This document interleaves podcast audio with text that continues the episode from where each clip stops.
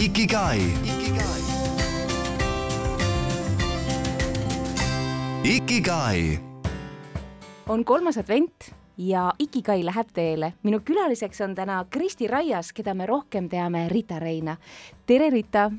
tere, Tiiu ja tere kõik armsad El-Mari kuulajad! nii tore on sinuga kohtuda. sa võib-olla ei tea, aga sa lähed meie kuulajatele väga-väga korda ja mul on nii hea meel, et sa oled selle saate külaline, aitäh! Aitäh kutsumast ja hea meel on ka vist esimest korda olla El-Mari eetris, mul on selline tunne. sina oma muusikaga oled eestlaste ees olnud natukene rohkem kui kaks aastat aktiivselt, Rita Reina. mis on sinu kui inimesega selle aja jooksul toimunud? Vau, päris palju. kui ma alustasin selle, selle muusika ja, ja muusika väljaandmise ja salvestamisega, siis ma olin täiesti kindel selles, et, et see muusika on minu enda hingeprojekt ja ma ei oodanud üldse, et nii palju inimesi sellega kaasa tuleb. ma päriselt ei oodanud, ma olin, ma olin meeletult õnnelik, kui albumi esitluskontsertidele jõudis, me tegime nii Tartus Ken klubis kui ka Tallinna ETK-s tegime siis kaks kontserti ja, ja Ken klubi oli paksult rahvast täis ja ETK oli ka no võib-olla natukene oleks sinna veel mahtunud, aga igatahes üle minu ootuste, võib-olla seal võis olla circa kolmsada inimest, kolmsada, nelisada inimest. Ja juba siis see esimene esimene üllatus, et okei okay,, kuhu see kõik võib minna? See oli, see oli nii veider tunne minu sees, et okei okay,, mina arvasin, et ma hakkan seda muusikat tegema praktiliselt mõnele inimesele ja eelkõige iseendale. Ja siis see üllatus ja see ehmatus, kust see, kus ma avastasin, et okei okay,, ma jõudsin Eesti muusikaauhindadele veidral kombel, siis, siis oli veel üks niisugune verstapost, et, et me tegime Jazz Kaarega koostöös äh, siis Vabal Laval kaks välja müüdud kontserti. kui ma oleks mõelnud selle peale kaks tuhat üheksateist novembris, ma ei oleks seda uskunud, et, et sellised asjad juhtuvad. ja nüüd eh, talvel tulevad ka need aastalõpukontserdid, need on minu karjääri suurimad kontserdid ja ma olen nii õnnelik selle üle esiteks, et, et need asjad on juhtunud ja et ma olen õnnelik, õnnelik ka selle üle, et, et ma tõesti ei tee seda ainult iseendale, see on muidugi positiivne, aga ma päris südamest tõesti ei oodanud sellist, sellist äh, rahva poolehoidu ja, ja heakskiitu ja, ja toetust. nii et äh, on olnud väga veider aeg, see kaks aastat ja, ja minu, minu jaoks, ma olen inimesena nii palju muutunud ja, ja ma olen muusika mõttes, tahaks arvata, et päris palju edasi arenenud, nii et, nii et ma arvan, et, et see aeg on olnud hea hea enesearengu mõttes ja loodetavasti see aitab kaasa ka teise albumi heale väljaandmisele, ütleme nii, et, et see album tuleks tore.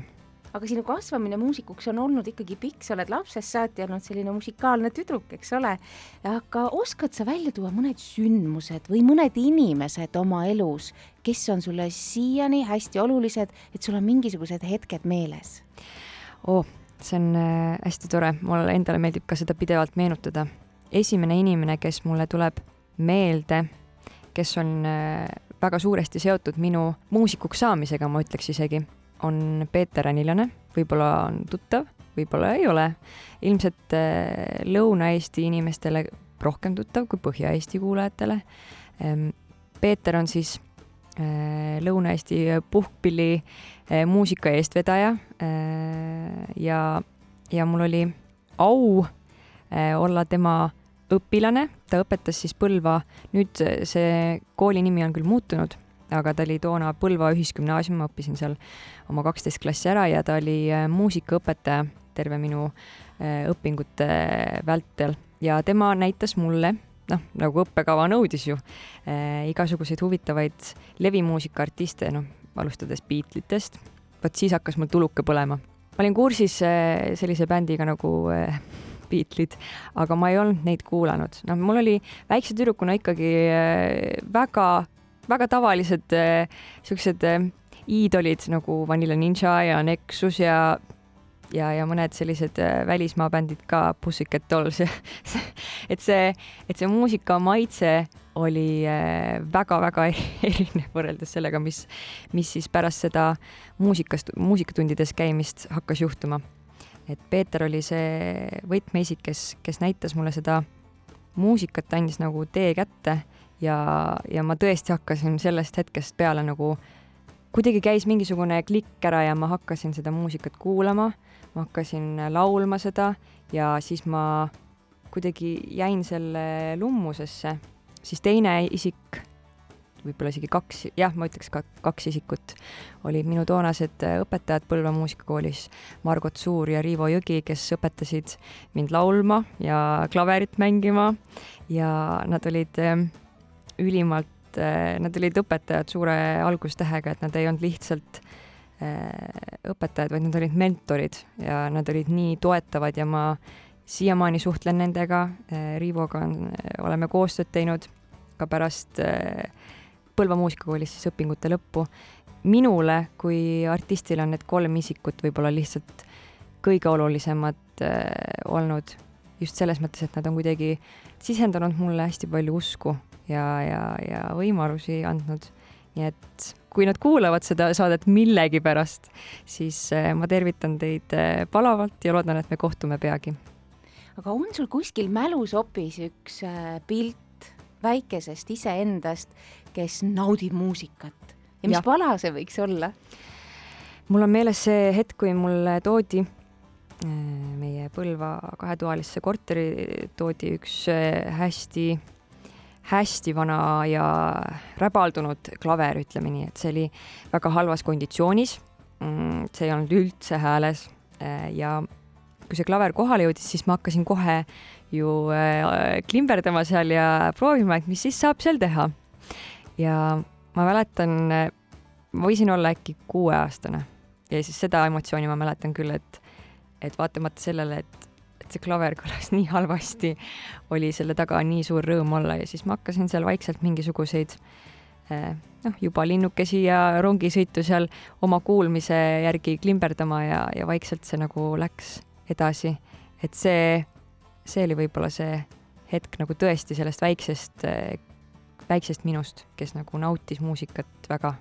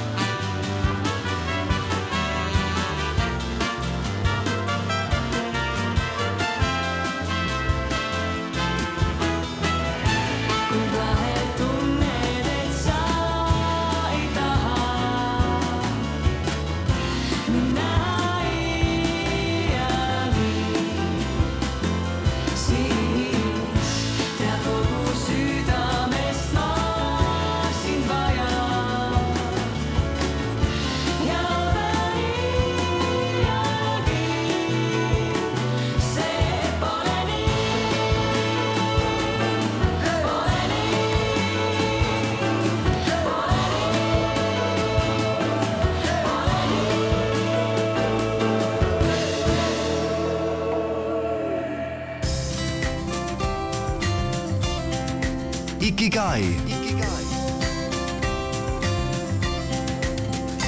Ikigai. tänase saate külaline on Rita Rai. rääkisime natukene sinu lapsepõlvest, nendest inimestest, kes on sind muusikuteele juhatanud, nii võib öelda küll. aga sina kui artist, kui palju sa kujundad ennast? see kujundamise sõna võib-olla ei ole päris paslik. ma tahaks arvata, et ma lihtsalt jõuan sinna suunda, kus ma tahaks jõuda. et ma ei ole teadlikult teinud mingisuguseid valikuid. et see kuidagi näiteks need, need kleidid, mida ma laval kannan, need kuidagi jõuavad minuni et mul on mingisugune selline kirg ja soov olemas, et ma otseselt ei järgi või et, et ma ei, ma ei tee endale ettekirjutusi, et kuidas ma peaks olema või, või milline ma võiks olla.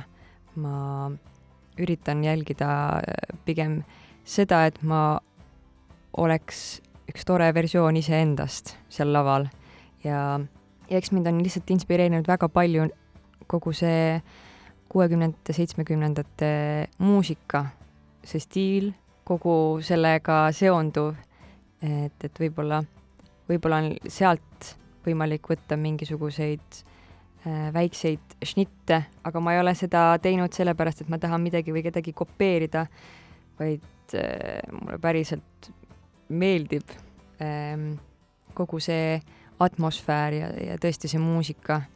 nii et ma tahaks, tahaks arvata, et ma ei kujunda seda teadlikult, vaid pigem alateadlikult. et see oledki sina?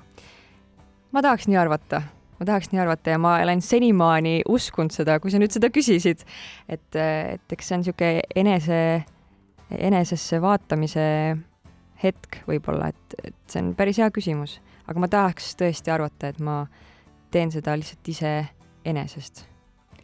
aga luba piiluda sinu, ma ei tea kuhu, pea sisse, kuidas sünnib sinu muusika? mulle tundub, et sa oled kõige paremas mõttes maksimalist. Sa tead, kuidas sinu muusika peab kõlama, aga kuidas ta jõuab sellest sinu mõttest reaalselt inimeste kõrvu, seal vahepeal on ju nii palju ja. etappe, mille kõigega sa ise suures osas tegeled. no ma noogutasin sinuga kaasa. Ehm, ja see muusika tavaliselt äh, sünnib äh, täpselt niimoodi, et ma olen oma äh, klaveri taga või ükskõik mis klaveri taga, kus ma saan parasjagu harjutada ja mängida.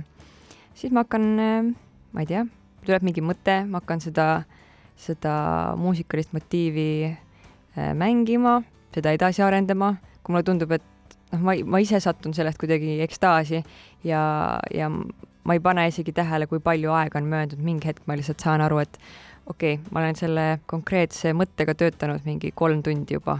Ja, ja, ja see kirjutamine minu jaoks, ma ei ole kiire kirjutaja, pean tunnistama, väga vähesed korrad, kus ma olen suutnud nagu näiteks tähtajaks midagi kirjutada või, või väga kiirelt on vaja midagi valmis teha. ma pigem ei ole see inimene, mulle meeldib võtta oma aeg ja vaikselt tasapisi edasi arendada neid, neid äh, ideid. ma tavaliselt lihtsalt salvestan seda oma telefoniga, kui mul tekib mingisugune hea mõte. ma võtan oma telefoni välja äh,, siis on selline tore äpp nagu Voice Memos seal peal, siis ma salvestan seda ja siis ma jätan selle mõneks ajaks settima, vahepeal hiljem kuulan järgi ja siis ma avastan, oi, see oli päris tore ja siis ma hakkan sellega, sellega näiteks edasi tegelema. et, et, et kui see, see mõte on nagu hea minu arvates ja, ja mul on nagu mingisugune sõnade idee juba olemas, siis ma lähen sellega edasi ja, ja, ja, ja see, see mõte peab mulle andma mingisugust sisendit ise, noh, et ma, ma ei ole kunagi suutnud tegeleda edasi lauluga, mis ma tunnen, et see ei ole päris see, et ma olen jätnud lihtsalt kõik poolikuks. ma ei ole, ma ei ole kunagi see ka kirjutaja olnud, kes kirjutab lõpuni, lihtsalt lõpuni kirjutamise pärast. vaid kui ma tunnen, et, et see idee ei ole piisavalt hea, siis ma jätan selle poolikuks ja, ja liigun järgmise idee peale ja siis hakkan seda, sellega tegelema.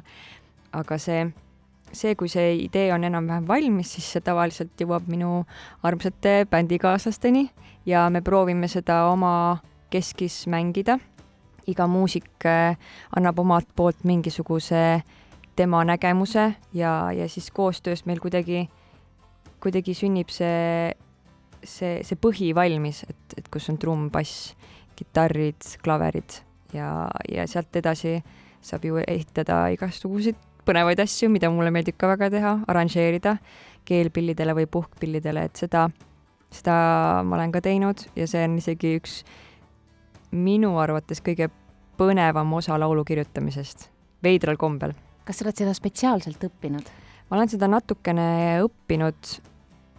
Tõnis Kõrvits on mind õpetanud kusjuures ja ma olen äh, Otsa koolist ema käe all olnud natuke aega ja, ja Riivo on ka mulle paari asja näidanud. samas on äh, internet nii suur ja lai, et, et sealt on ka väga, väga hästi võimalik leida mingisuguseid toredaid äh, videosid, aga kõige olulisem on minu arust ikkagi kuulamine. et kui ma kirjutasin näiteks Disco Stew äh, keelpilli arranžeeringut, siis ma kuulasin vist kolm kuud järjest diskomuusikat, kus olid keelpillid sees. päriselt, ma lihtsalt päevast päeva hommikust õhtuni ja panin mingisuguseid mõtteid kirja, sest see oli mu esimene keelpilli arranžeering ja ma olin ikka, ma suplesin mudas ses mõttes. Ja ma ei teadnud, mida ma pean tegema. Ja Tõnis saatis mulle täpselt ühe video ühe video Youtube'ist, kus oli kirjas, kus pealkiri oli midagi sellist, et how to write disco strings ja, ja siis ma ei tea, tänu sellele kuidagi äh, ma suutsin selle ära kirjutada. Aga sealt ma kuidagi avastasin ka selle kire, et see on nii põnev maailm, et, et, et see, et mängida lihtsalt, ma ei tea, trumm, bass, kitarrid, klaver ja mõned muud instrumendid versus see, kui, kui sinu ees on orkester, mis mängib sinu kirjutatud arranžeeringut.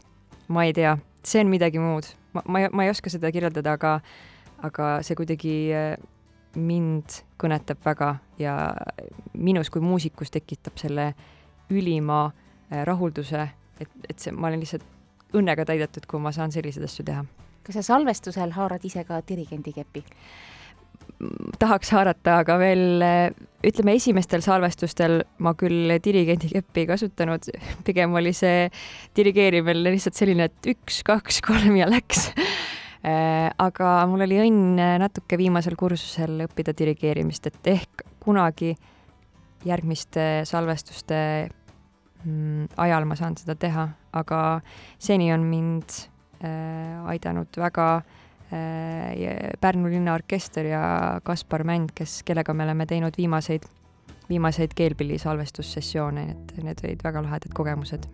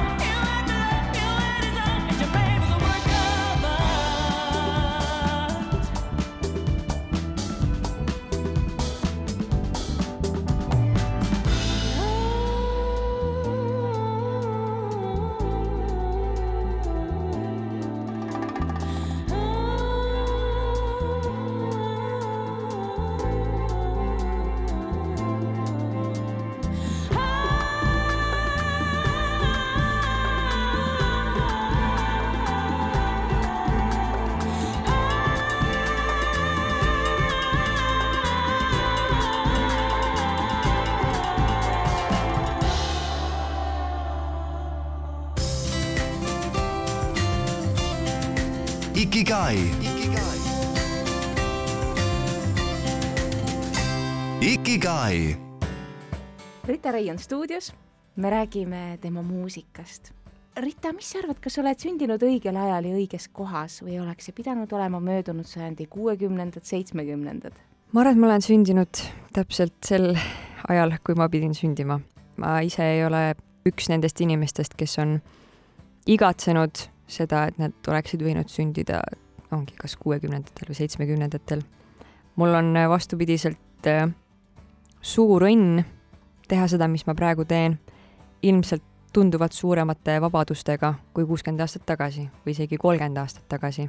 meie maailm on äh, nii palju edasi arenenud, meeletult, ma ütleks, noh, ma ei tea, tehnikast me ei hakkagi rääkima, on ju kogu see, see maailm, aga, aga lihtsalt ähm, hiljuti ma käisin vaatamas PÖFFil äh, Aretha Franklini filmi äh,, kus ta küll ise ju ei mängi, ta on kahjuks ju meie seast lahkunud, aga tema osa täidab Jennifer Hudson.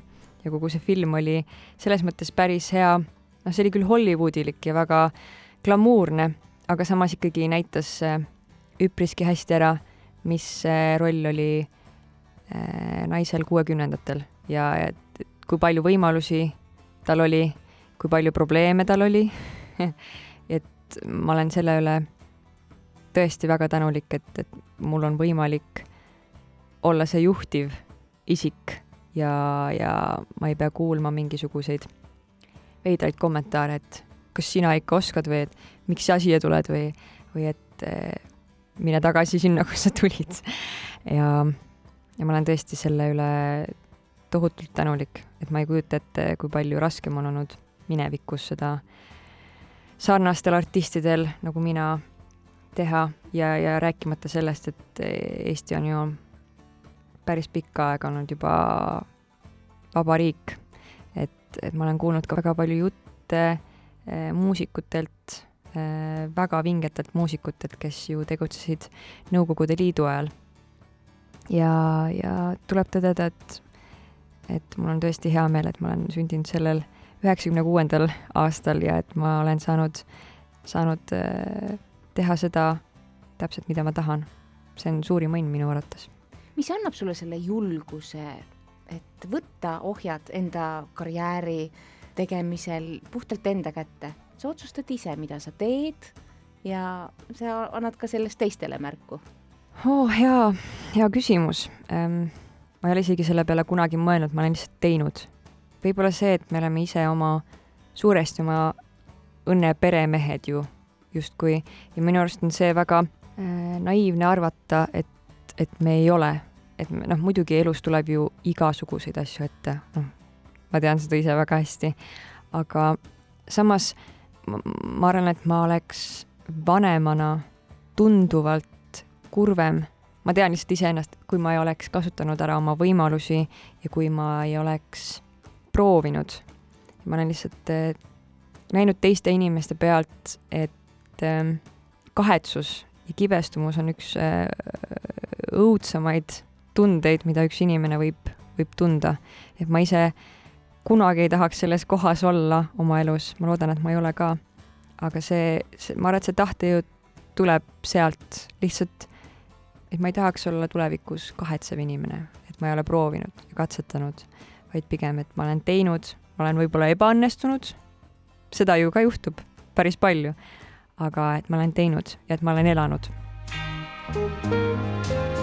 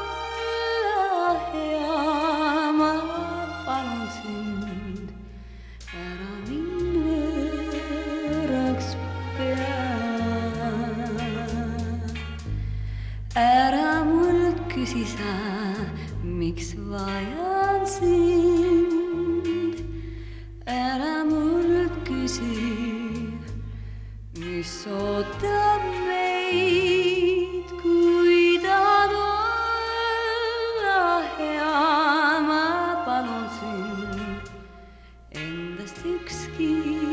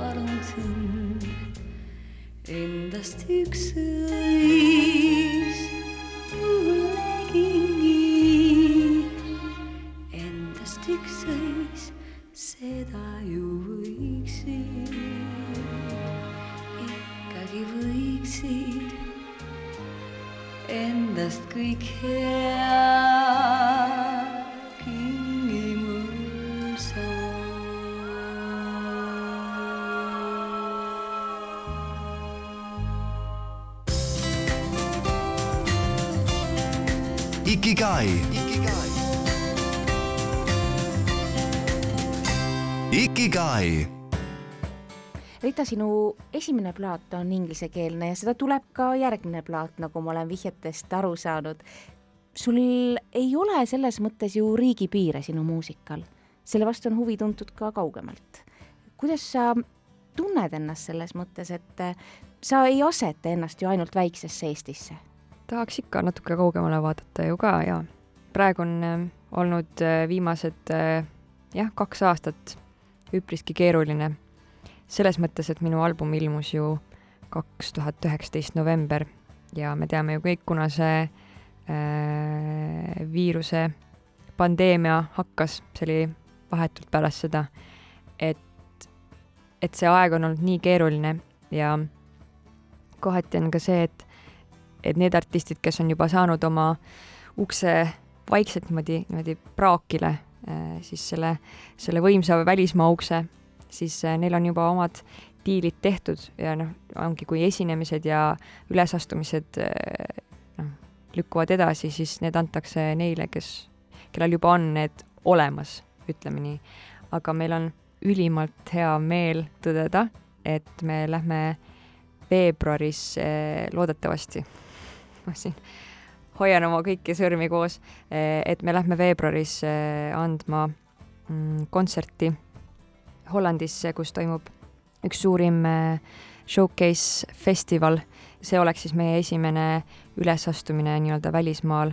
ma, ma küll üritan endale öelda, et ei, ära mine liiga elevile, et, et see pettumus, kui näiteks midagi juhtub, a la asi lükkub edasi või, või läheb üldse veebi, siis see pettumus on päris suur, aga, aga ongi, mul, mul on natuke on praegu tunne, et, et vaikselt see asi nagu avaneb ja meil on mingisuguseid pakkumisi olemas, et eh, ma tahan olla kannatlik, sest äh, paraku lihtsalt muud moodi ei ole võimalik, aga, aga selles mõttes on tore tõesti teada, et meil terendavad mõned väga toredad esinemised välismaal ja, ja ma arvan, et need on head võimalused selleks, et, et äh, teha see uks lahti ka äh, välismaa turule. Ja, ja selles mõttes äh, uks ei ole ka praegu juba kinni äh,, et näiteks BBC-s mängitakse muusikat päris, päris tihti juba ja, ja, ja fänne on tulnud äh, praktiliselt üle terve maailma, et päris huvitav on näiteks mul vahepeal Spotify kuulamisi jälgida, et artist saab näha, kust riigist tema, tema lugusid kuulatakse, siis vaikselt hakkab see maailmakaart täienema, nii et see on hästi tore, tore on näha seda. millisena sa kujutad oma fänni ette? Neid on nii erinevaid mm,. ma olen ju näinud neid kõiki kontserditel. Nad on kõik kindlasti rõõmsad inimesed. see on kindel. Nad naudivad muusikat väga ja nad tunnetavad muusikat teistmoodi kui võib-olla tavaline inimene.